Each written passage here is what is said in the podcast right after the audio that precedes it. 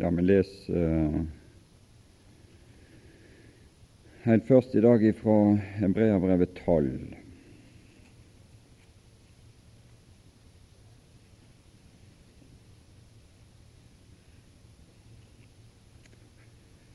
Og vers 14 Ikke det vi sier. Jeg har et lite ord.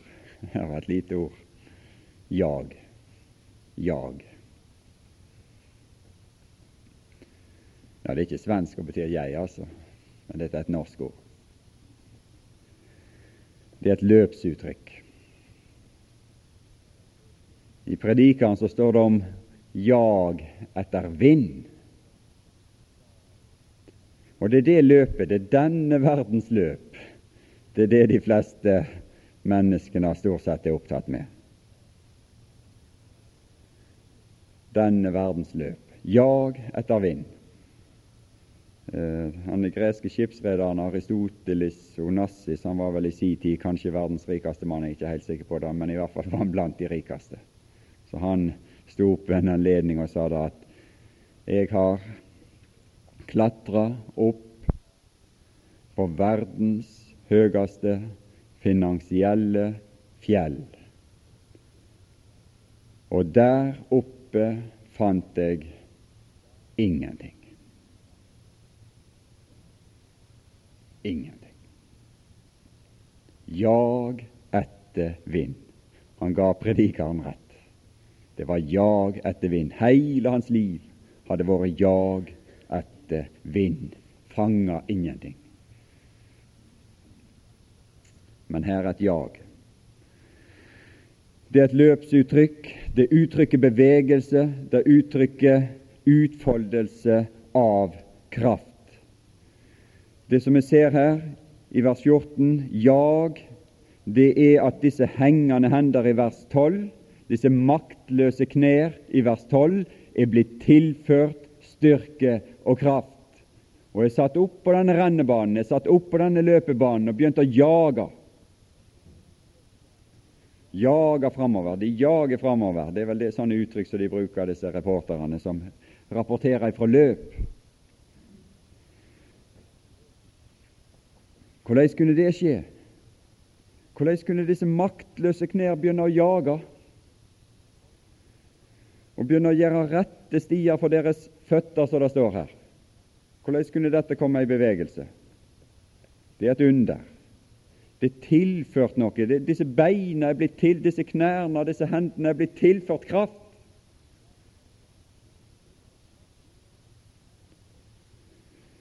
Gjør rette stier. Det er et orienteringsløp, dette her, løpet. Det er et løp ut i et vanskelig terreng til dels. Det gjelder om å finne de rette stiene.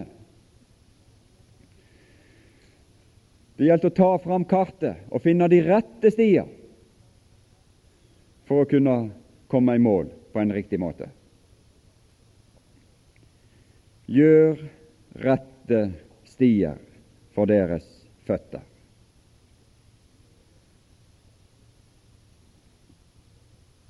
Det er klart at disse hendene og disse føttene er tilført kraft, og denne kraft tilføres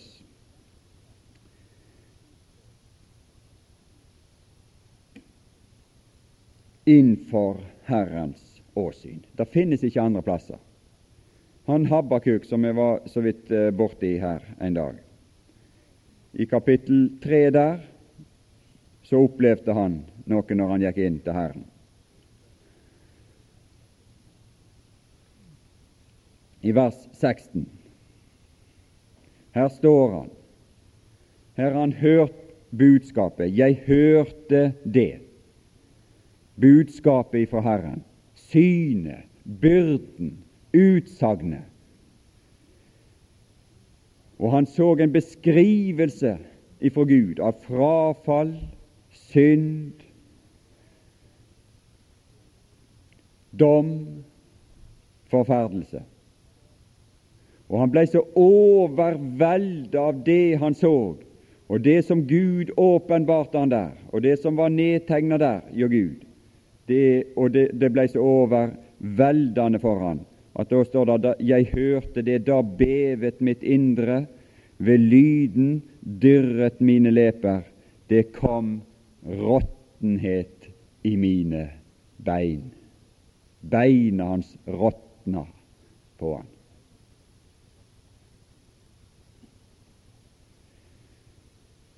Slik var opplevelsen. Jeg bever hvor jeg står. Altså dette overveldende budskap og det han så der, medførte liksom maktesløshet. Han liksom var ikke i stand til noen ting. Hvis du vil lese i Daniels bok i kapittel 7, 8, og 9 og 10, så ser du det at, at når Daniel steg inn, og når Daniel fikk disse syner, og når Daniel fikk se framtiden og se framover for, for folkene i denne verden og rikene i denne verden, og hva som skulle skje med dem, og dommen over disse tingene her, og hva, hva, hva Gud hadde tenkt, så, så, ble han helt avmektig, står det. Han ble så avmektig ved en anledning at han ble sjuk. Det gikk en periode før han greide å oppta tjenesten hjå kongen endatil. Han ble sjuk. Så avmektig ble han.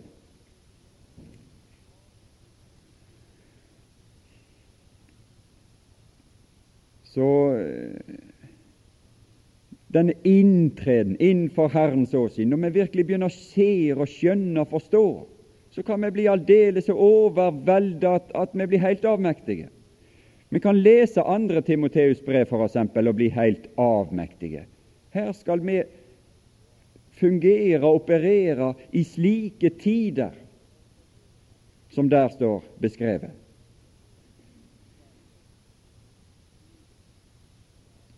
Men det skjedde noe med Habakuk i møte med innenfor Herrens åsyn.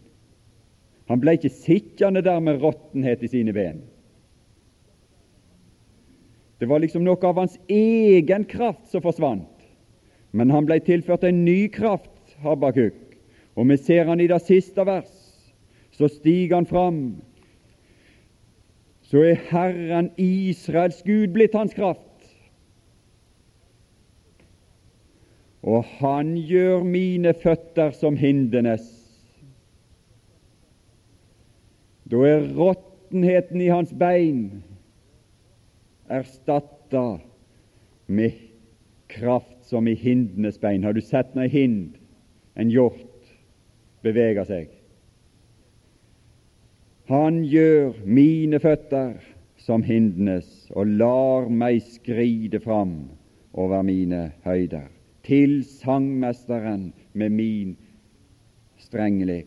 Altså, når han hadde festa synet på, og når det hadde vendt seg ifra alle disse beskrivelser Han hadde måttet erkjenne og se og forstå alle de beskrivelser som Gud gjorde.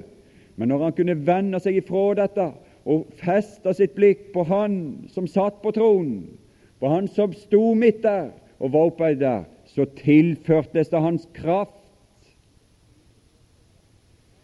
og han gjør mine føtter som hindenes. Og han opplevde det samme som Daniel. Når han var blitt reint avmektig. Han sier Daniel i kapittel 10. Det står mye av de samme uttrykkene i de tidligere kapittel her. Og i vers 9. Jeg hørte lyden av hans ord. Og det, det som Daniel hørte, det var jo, han fikk jo disse syner fram i tid om denne verdens utvikling og denne verdens riker og denne verdens undergang og dom. Jeg hørte lyden av Hans ord, og da jeg hørte lyden av Hans ord, sank jeg sanseløs framover med ansiktet mot jorden. Eller i vers 8, 10-8, så blir jeg alene tilbake, og da jeg så dette store syn, ble jeg rent maktesløs og mitt ansikt mistet sin friske farve, og jeg så rent ille ut, og jeg hadde ingen kraft mer. Ingen kraft.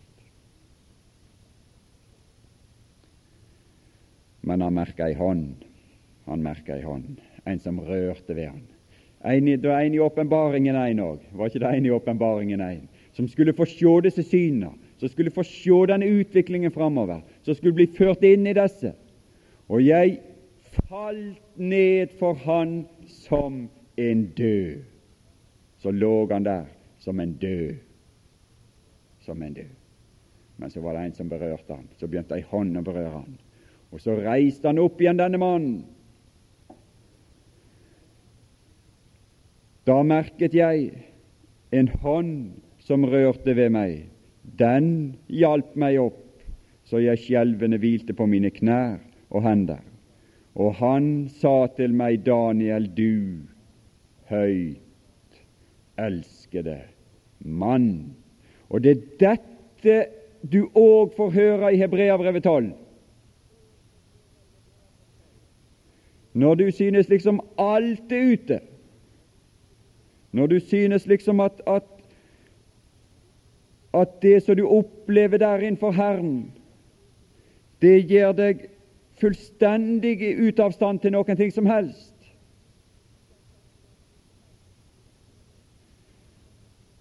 Du opplever eh, hengende hender og maktløse knær innenfor hans åsyn der. Så får du høre den Herren elsker i vers 6. Hebreabrevet 12,6.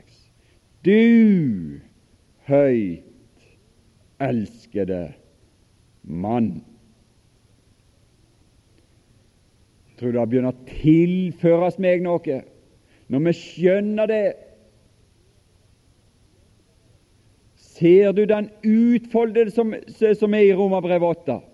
Den utfoldelse av liv, av kraft, som er i Romerbrevet 8.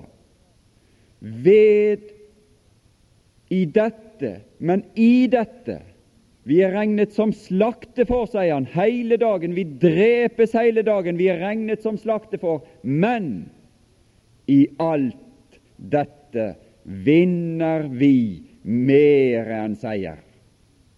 Slakteforlaget. Er det det laget du spiller på? Er det den klubben du har meldt deg inn i? Slaktefårene? Det er vinnerlaget, det.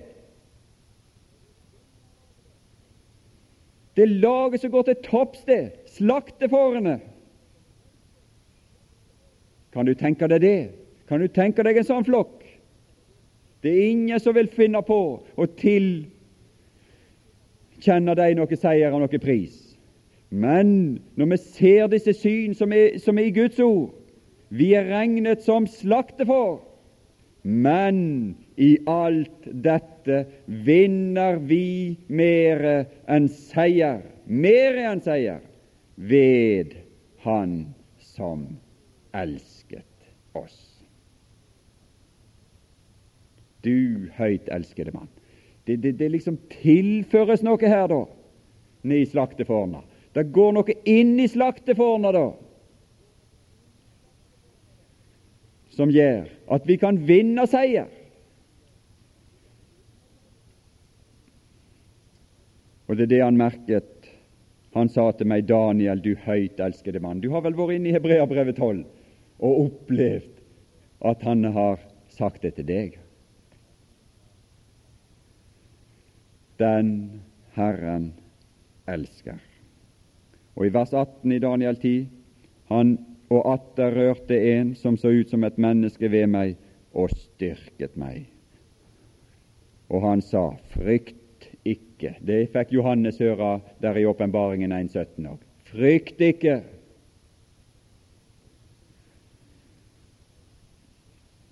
Du høyt elskede mann, fred være med deg.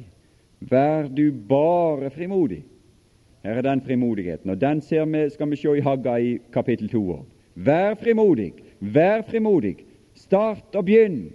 Begynn en tjeneste, begynn et arbeid, begynn et arbeid i dette Guds hus. Vær frimodig, Serubabel. Vær frimodig, Josva. Vær frimodig, Herrens folk. Vi har frimodighet. Vær du bare frimodig.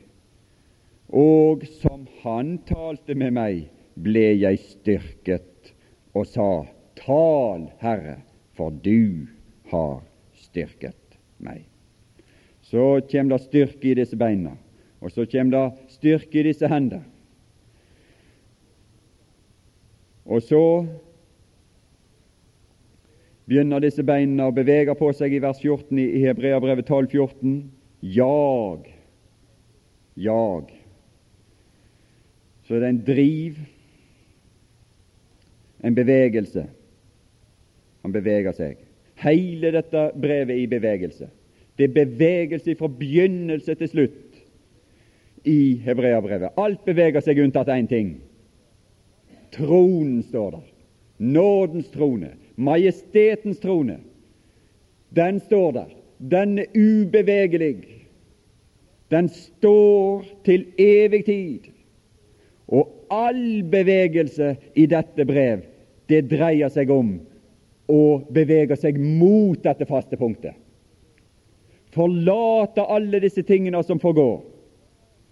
Bli, opp, bli klar over, skjønne dommen ifra Gud, at ja, han har gjort alle disse ting, står det i kapittel 1. Alle ting er gjort ved han. Han har skapt alle disse tingene her. Men så begynner vi å se på disse ting. Disse ting skal forgå. Den jordens overflate som vi står på, så begynner det å brenne under beina på oss. Og så skjønner vi det, at det er ikke her vi hører til. Det er ikke her vi har den blivende stat. Det er ikke her vi skal investere våre ressurser og krefter. I disse ting som skal forgå. Det skal rulles sammen som et kledebånd. Som et plagg som er gått av moten, skal det kastes bort. Men, men du blir, du som har inntatt tronen, du som er kront med herlighet og ære, du som har inntatt dette faste, evige punkt, Guds trone. Du blir. Og den tilskyndelse, den bevegelse, hele tida i dette bevegelse mot det punkt. Og vi ser Jesus sjøl er den første som beveger seg dit og går dit. Han var ned i verden, og han gjorde en gjerning her i verden. Og så står det i kapittel 1 og vers 3 da han hadde gjort renselse for våre synder. Da han hadde gjort renselse for våre synder, så, så, så bevegde han seg mot dette faste punkt og dette faste sted. Satte han seg ved majestetens høyre hånd i det høye. Det var der først han satte seg. Det var der først han satte seg ned. Han slo seg ikke til ro før han var kommet opp på det punkt. Der ble han kalt opp, og der, han, der ble det sagt til han, set deg. Der skal du hvile. Ja, det er det han vil med oss òg. Det er det samme løpet han vil ha, ha oss inn i. Når han har gjort renselse for dine synder, har han gjort renselse for dine synder. Har du tatt imot det? Har du gått inn i dette? Er du med der? Hvor vil han ha deg da? Da vil han ha deg til det samme punkt, inn til den samme trone, inn til det samme sted. Det er dit han vil vi skal jage og løpe. Løpe, det er et løp inn dit.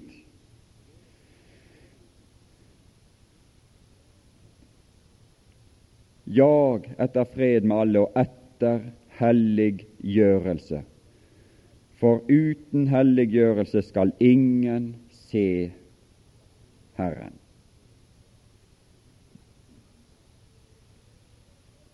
Herren, hvor er Han?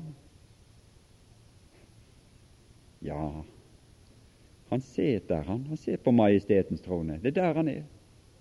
Han er i herlighet, han. Det er der han er. Og skal du se han, så må du gå inn der for å se han, for det er der han er. Og det er der han har gitt oss adgang. Ved troen har han gitt oss adgang dit.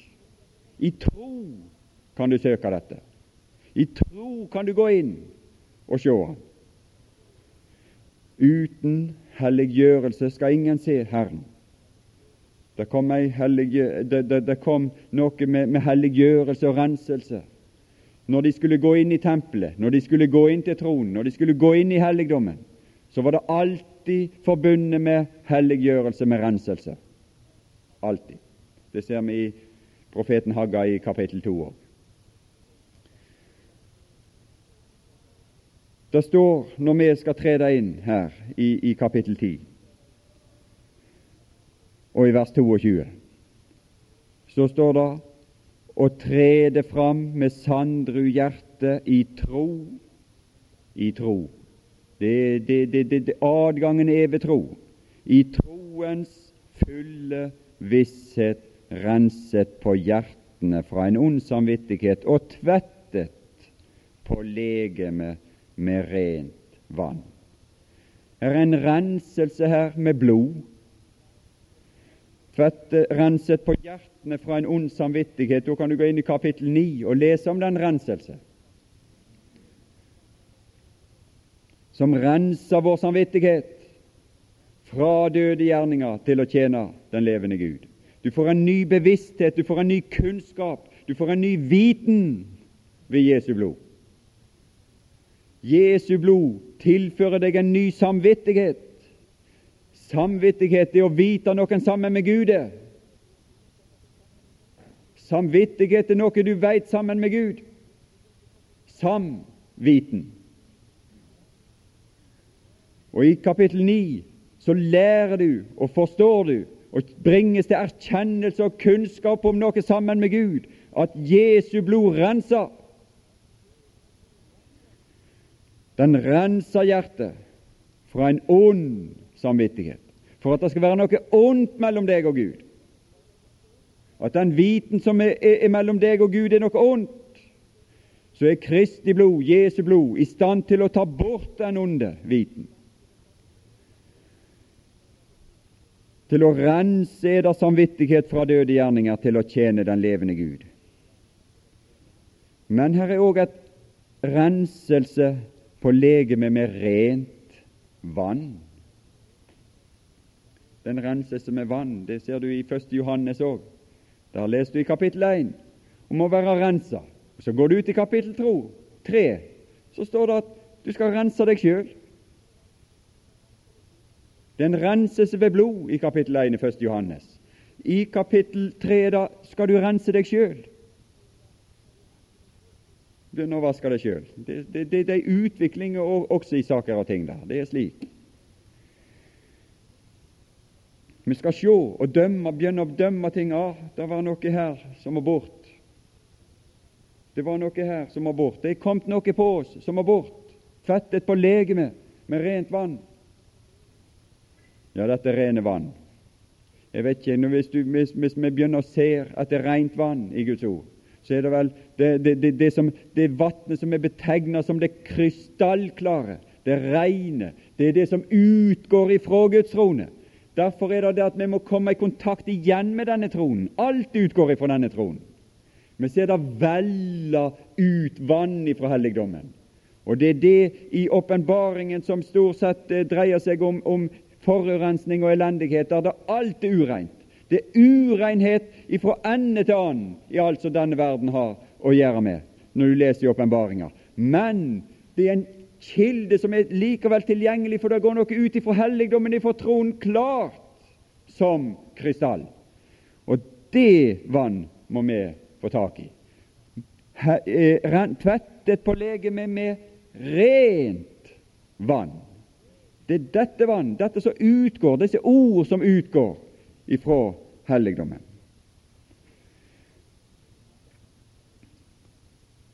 Ut fra Guds trone. Og Vi leste som var så vidt innom 1. Eh, Timoteus 1 i går, der det står om den sunne lære og alt som er imot den sunne lære, etter evangeliet om Guds herlighet. Når vi lever i forbindelse og ser og er inn i forbindelse med Guds herlighet, så lar den forbindelse seg ikke kombinere med en vanhellig, syndig atferd i denne verden. Det lar seg ikke kombinere. Det er umulig å leve slik som det står beskrevet da, eh, i, i første Timoteus der. Alt annet som er imot den sunne lære. Det kommer inn en dom i våre liv som dømmer den slags atferd. Legeme, Når det står 'tvettet på legeme' her med rent vann, så er legeme det, det som det ser. Det er det som er, det er, det som er det, vår ytre ferdigverden. Vårt legeme betegner det vår ytre ferd i denne verden. Det ser vi i alle Paulus' brev, når han taler om legeme og lemmene. Står, det står om, dø, om å døde lemmer. Det står om å drepe lemmer i Kolossenserbrevet 3. Død da eders jordiske lemmer. De skal, de skal, de skal dødes. Og når det i, i Filippenserbrevet står om vårt fornedrelseslegeme, så er det ikke tenke på den kroppen som jeg står i her. Det er ikke det som er meint med, det, med vårt fornedrelseslegeme. Men det er at når vi går inn i, i, i, går inn i noe som ikke blir påakta i denne verden, og som, som, som, som ikke denne verden har sans for, et liv, en tjeneste, forbindelser som denne verden ikke akter på, men som er, som er det samme som Jesus opplevde, at han ble fornedra.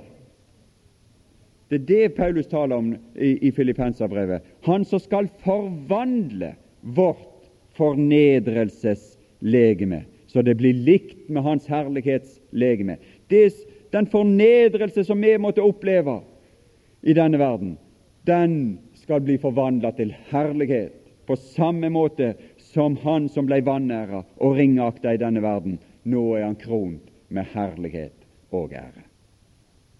Det er det som er tanken i Filippenserbrevet med vårt fornedrelseslegeme.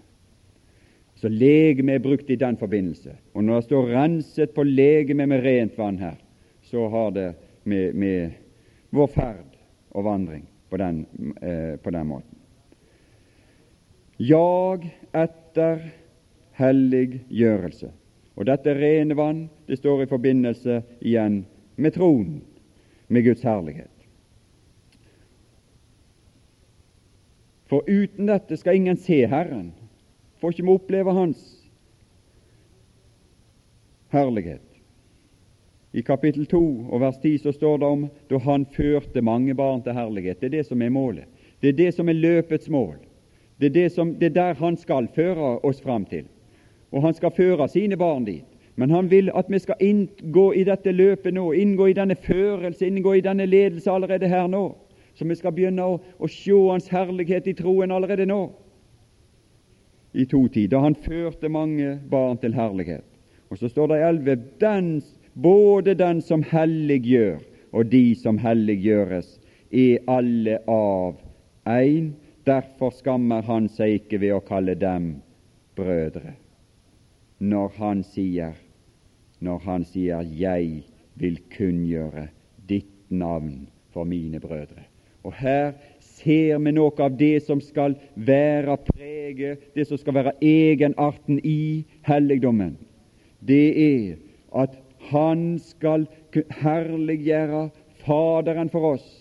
Det var det når Han kom inn i verden, så sa Han 'Jeg har herliggjort ditt navn' jeg, han, hadde, han hadde herliggjort Gud for menneskene, iblant menneskene. Og når vi kommer sammen, så skal det være noe av det som vi skal, skal drive på med. Jeg vil kunngjøre ditt navn for mine brødre, midt i menigheten, og det er hans plass. Det er Herrens plass. Det er der han vil være. Det er der, det er der han ønsker å være, og det er der han må være. Han finner seg ikke i å være til side. Enten, han, han, han er enten midt i, eller så er han utenfor. Vi ser han i åpenbaringen, så ser man utenfor menigheten. Da står han utenfor og banker på. Vi ser han ikke ut i et lite rom. De, de snakker av og til liksom om at, at, Jesus liksom, han må være i, midt i hjertet, få liksom hovedrommet inn i hjertet her. sant? Og så, så, så liksom, At vi, vi, vi, liksom ikke lar han få bare et bitte lite værelse bort på sida der. liksom, sant? Det er sånn som jeg sier. Men jeg vet ikke om det er sånn. Jeg tror ikke han finner seg i å ha det, det lille, lille sideværelset. Da går han heller ut. Han er midt i, eller han er utenfor. Det er der jeg har, har, har funnet han iallfall, i forbindelse med menigheten. Men her er han midt i. Midt i menigheten vil jeg lov synge deg. Opphøye Han. Opphøye Gud, opphøye Faderen. Og så kan våre øyne være festet på Han. Og så kan vi lære av Han. Og atter jeg vil sette min lit til Han. Han er troens opphavsmann og fullender, står det i kapittel 12. Gi akt på Han, fest øynene på Han, se på Han. Det er veien til helliggjørelse, det. Det er helliggjørelsens middel, om du vil, som står her. Disse ting som står her, her er det Han som helliggjør. Her er de midler Han tar i bruk for å helliggjøre oss. Jeg vil sette min lit til Han. Sjå, betrakt på troens opphavsmann og fullender. Sjå på den ferd han gikk gjennom synderes motsigelse, gjennom alle slags motsigelse. Han ble motsatt sagt av sine egne, og han ble motsatt sagt av syndere. Og han ble motsagt av, av alle krefter i denne verden. Men jakt på han og se den motsigelse han har lidd, for at vi ikke skal miste motet for at vi ikke skal bli trette, for at vi ikke skal få hengende hender, så vi ikke skal få maktløse knær. Men jakt på Han. Og se, se han der, hvordan Gud førte han fram og i tro. Han levde i tro. Jesus levde òg i tro. Han er troens opphavsmann og fullender. Og nå sitter han der herliggjort på tronen. Det er hans vei. Jeg og atter jeg vil sette min lit til Han. Og atter se, her er jeg og de barn som Gud har gitt meg. Her, her får vi se Han, og så rundt Han så er det et avkom. Hans lidelse, hans lidelses avkom. I, i, I Esaias 53 så står det at han i sin lidelse og i sin smerte så skulle han se et avkom. Se, her er jeg og de barn som Gud har gitt meg. Jag, jag etter disse ting. Jag etter helliggjørelse. Det er disse forhold, det er dette som skal være liksom innholdet i det hus som Herren hadde tanke for, og Herren har skrevet om, og Herren har gjort rede for oss at vi skulle reise som Hans, som Hans barn i denne verden. Det er Han i midten, og så samles vi om Han. Se, her er jeg, og rundt Han Det er vår egen forsamling. Det er når Han er der i midten, og det er Han det dreier seg om, og de barn som du har gitt meg.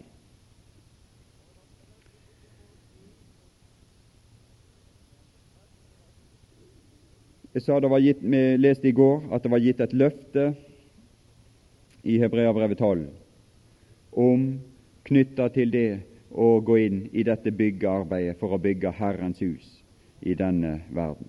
Og det var et løfte om at dette arbeid, de investeringer, de krefter som er innsett der, de, det er ting som bærer frukt for evigheten.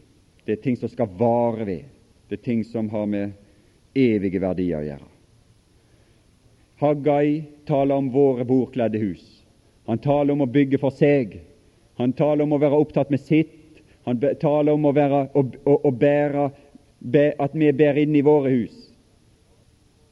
Alle slags ting. Vi har utstyrt våre hus ganske rikelig. Det mangler absolutt ingenting. I de fleste hus jeg har vært inne i, så mangler det ingenting. Mangler ingenting. Det mangler eneste, som jeg har sagt før en gang, det eneste som mangler, det er kleshengere når du kommer inn i, i gangen. For de er, så, de er så opptatt alle, de er så fullt med klær at det ikke er plass til, plass til mer. Så det er det eneste jeg har sett mangler i husene. Ledige klessenger. Noe annet mangler ikke. Men det bæres inn.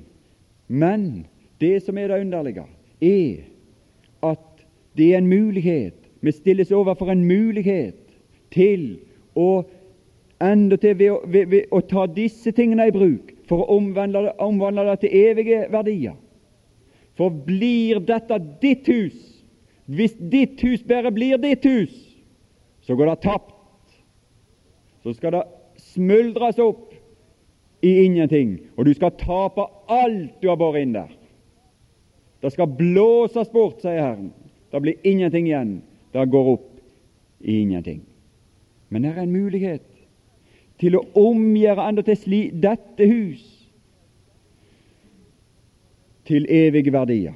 Og I kapittel 13 og vers 2 her i Hebreabrevet så har du et eksempel på det.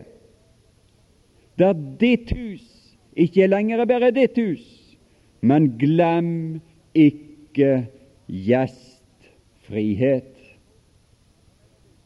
Her kan, da, her kan du åpne ditt hus for andre.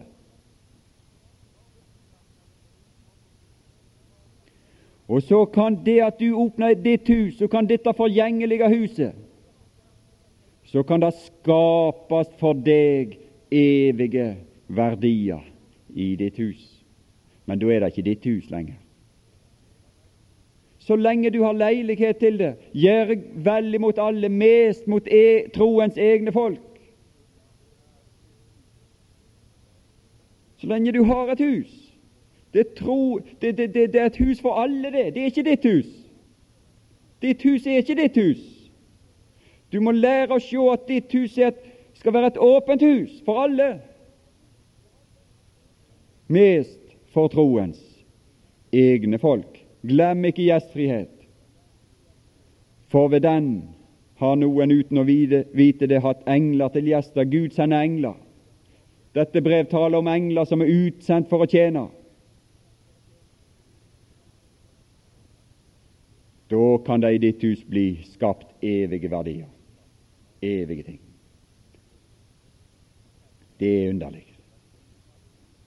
Det er underlig. Da kan du investere i evige ting. Er ikke det underlig?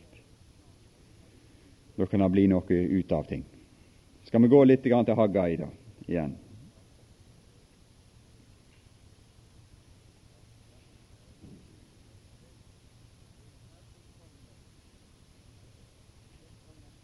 Det står dette i vers 9, som jeg nevnte her. Dere venter meget og se, det blir til lite. Og når dere bærer det i hus, så blåser jeg det bort. Det kommer en vind som tørker det ut. Det kommer en vind som blåser det hele bort. Men det er en mulighet.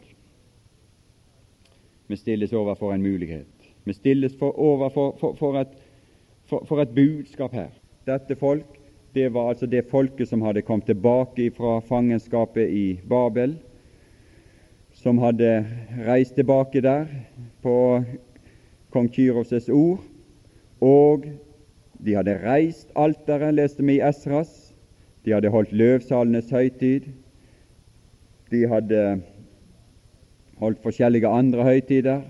De hadde lagt grunnvollen til Herrens hus. Og de gikk nokså hardt ut, og de gikk ut med nokså høg bekjennelse og med nokså sterke ord, les vi i, i uh, Esras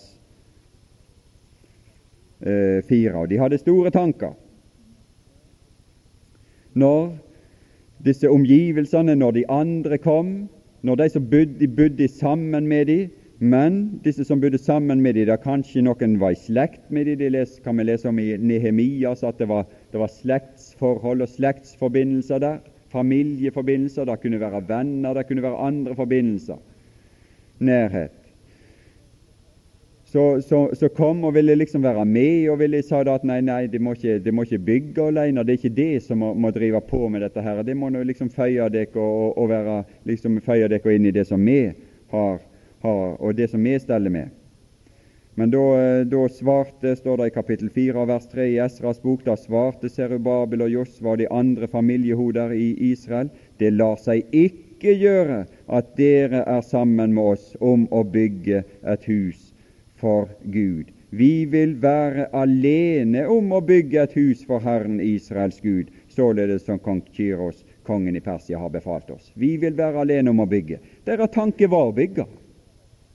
Det var det som var deres tanke. Det var det som var deres bekjennelse. Vi, vi vil bygge, og vi vil bygge slik som Herren har befalt, og slik som, som det er gått ut ei befaling.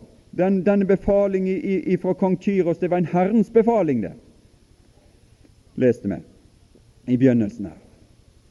Det var deres tanke. Å gå og hente tegninger, gå og hente materialene slik som at det er slik Gud hadde sagt det skulle være. Så det mangla ikke på sterke bekjennelser.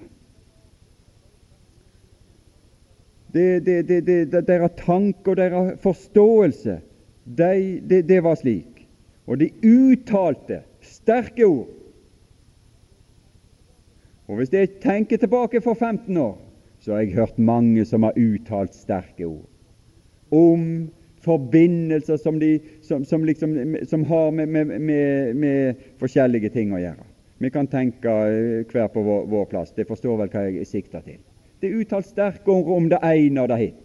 Det ene og det hint som skjer liksom som, som, Guds folk er opptatt med, og blandinger med, med systemer som er, er, inspirert av denne verden, og menneskelig tankegang og menneskelig organisering og, og, og, og ritualer og, og altså sånne ting som menneskene har funnet på og som er iblant oss, og som vi har med å gjøre. Organisasjoner osv. Sånn. Det er uttalt sterke ord, mange sterke ord, men så kom prøven. Så kom den dagen da disse sterke ord skulle prøves, og disse sterke uttalelser skulle komme til sin prøve. Ja, når familien krov sitt,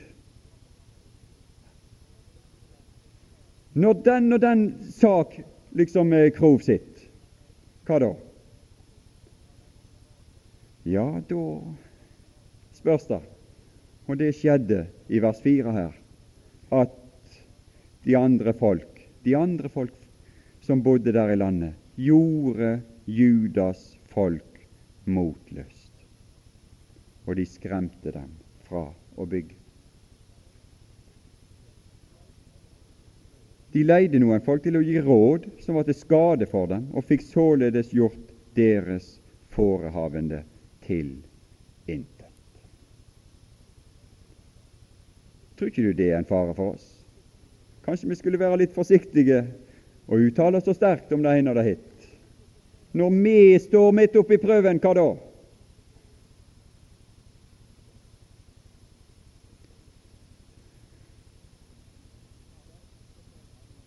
dette folk sier. Og så hadde det kommet inn en tanke og en forståelse og en, et mønster inni deg som sa at nei, det er nå liksom for tidlig å, å markere eh, dette nå. Vi må jo ta hensyn. Vi må jo ta hensyn til familie. Sant? Vi må jo ta hensyn til de andre. Vi må jo ta hensyn til våre venner. Vi må jo ta hensyn til den og hensyn til dette og hensyn, alle slags hensyn. Og vi bygger opp ei lære, og vi bygger opp en forståelse, og vi bygger opp noe der vi skal ta hensyn til alt og alle i våre handlinger. Kanskje i våre ytre handlinger også, som har med dette å gjøre. Dette folk sier det er ennå ikke tid til å komme til å bygge Herrens hus. De hadde tanker om å gjøre det. Det var ikke det som mangla. De hadde en vilje, de hadde tanker om å gjøre det. Men ikke nå. Vi, vi, vi får se en gang framover i tiden om det da legger seg til rette. Det blir kanskje litt enklere om noen år. Kanskje det legger seg til rette om noen år. Det var deres tanke og deres forståelse. Og hva skal vi drive på med da i mellomtida? Ja, da får vi heller bygge våre egne hus. Da får vi heller legge krefter og legge ressurser i vårt eget. Men Herren sier kom, Så kom da Herrens ord ved profeten Haggai, er det tid for dere å bo i deres bordkledde hus mens dette hus ligger øde. Og nå sier Herren herskarenes Gud så, legg merke til hvorledes det går red her. Og så blir det oppramsa aktivitet det mangla ikke på det. Det, det, var ikke, det var ikke giddaløse i den forstand som gjorde dette her. Men Det var, det var kraftesløse, men det var ikke i og for seg giddaløse, for de arbeidet. Og her er en aktivitet over alle grenser. Dere sår meget. Dere eter, dere drikker, dere kler dere, og dere tjener for lønn. Men det ble liksom ikke de ble liksom ikke tilfredse. Det ble liksom ikke det ut av det som de hadde ønska. Det ble liksom ikke den, den, den, den Det ble liksom ikke det med all denne aktiviteten. Så sier Herren, herskarenes Gud, legg merke til hvorledes det går dere. Og så kommer oppfordringen. Gå opp i fjellene og hent tømmer og bygg huset. Gå opp der som Gud har sagt det skal gå. Gå og hent ut det som Gud har sagt det skal hente, og bygg på den måten Gud har sagt. Hent fram tegningene, ta fram de materialer, ta fram det innhold som Herren har sagt. Så skal det skje noe. Så vil jeg ha velbehag. Og dette velbehaget ser du i Hebreabrevet 12 som en umiddelbar følge av når vi går inn og, og, og i dette løftet. Velbehag. Du ser et velbehag ifra Herren der i slutten på Hebreabrevet 12. Så, så liksom er det noe som ånder velbehag der.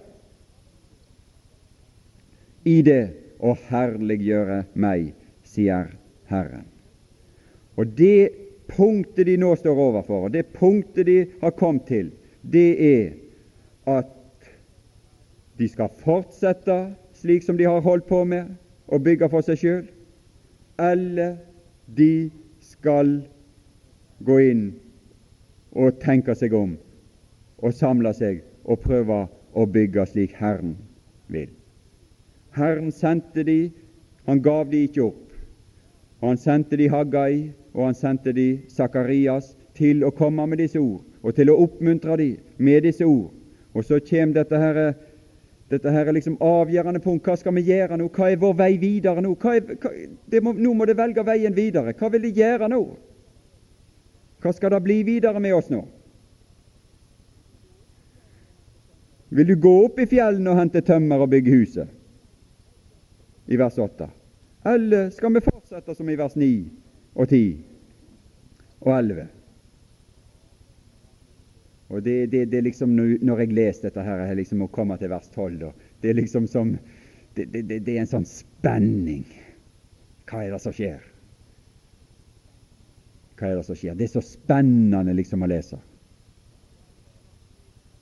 Og Serubabel, Sialtiels sønn, og Josfa, Jehosodaks sønn, ypperste presten, og alle som var igjen av folket, hørte på Herrens sin Guds røst og på profeten Haggais ord, fordi Herren deres Gud hadde sendt ham, og folket fryktet. Ja, hva var det de hadde frykta? Var det de hadde frykta i Esras 4? Ja, de hadde tatt hensyn til de som var rundt seg, familie og venner og det som ellers var i bygda. Det var det de hadde tatt hensyn til. Det var det de hadde frykta. Det var presset derifra som ble for stort, til å gjøre det som de egentlig innerst inne mente var rett. Og så ville de liksom utsette og vente på at kanskje det kom bedre tider. Men nå står det at folket fryktet Herren. Da sa Haggai, Herrens sendebud, i Herrens ærend til folket. Jeg. Så fikk de en medhjelper. Så fikk de en til å være sammen med seg. Så fikk de en kraft inn i det hele. Jeg er med dere, sier Herren. Og så gikk det ut noe ifra han. Iver. Og Herren vakte iver. Og det er godt. Det er godt om vi kunne tenke litt igjennom det for vår, dette for vår del. Arbeide med dette for vår del. Hvor går vår vei? Hva skal vi drive på? Kanskje det er bare noen korte år, vi regner jo med det, med denne utviklingen som er i denne verden, og dette med kommunikasjon og data og alt sånt. Og, og, og liksom den genteknologi og, og liksom kommunikasjonsteknologi. All, hele verden føres nå i sammen og, ugudeligheten utbrer seg med en enorm fart. Hvor lenge er det til? Hvor lenge kan Herren se på dette før Han griper inn? Så meget mer som dere ser dagen nærme seg. Hva skal vi? Hva skal vi gjøre? Hva skal vi drive på med? Kanskje det er noe for oss her å arbeide med og betrakte. Kanskje vi skulle prøve å være med og reise et hus for Herren i den gjenværende tid. Herre Jesus,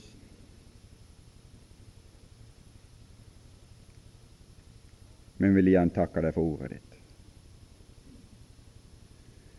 Dette er vidunderlige ord. Dette ord som har en myndighet, som har noe med seg, noe uimotståelig med seg. Enten lyt vi ta imot eller så lyt vi flykte unna det. Herre Jesus, vi ber om nåde til også å ta imot disse ord, til å grunne på dem, til å ta dem opp. Herre, må du gi nåde til og veiledning til visdom. Den som mangler visdom, han beder, og du gir oss visdom. Visdom hva, hvordan vi skal til oss i den korte tiden vi har igjen. Herre Jesus, vi ber om nåde, om kraft for oss, den enkelte som samler her, og for det vi skal stå for å være, enkeltvis og sammen i de plasser vi bor i på på det daglige. Herre Jesus, så ber vi om din, ditt åsyn, din røst nedover våre liv. At vi skjønner, forstår og erkjenner at du elsker oss. Du har gitt ditt liv for oss, og du elsker oss. Og vi skal evig ære og prise og lovprise og opphøye deg. Men la oss begynne med det her og nå. Amen.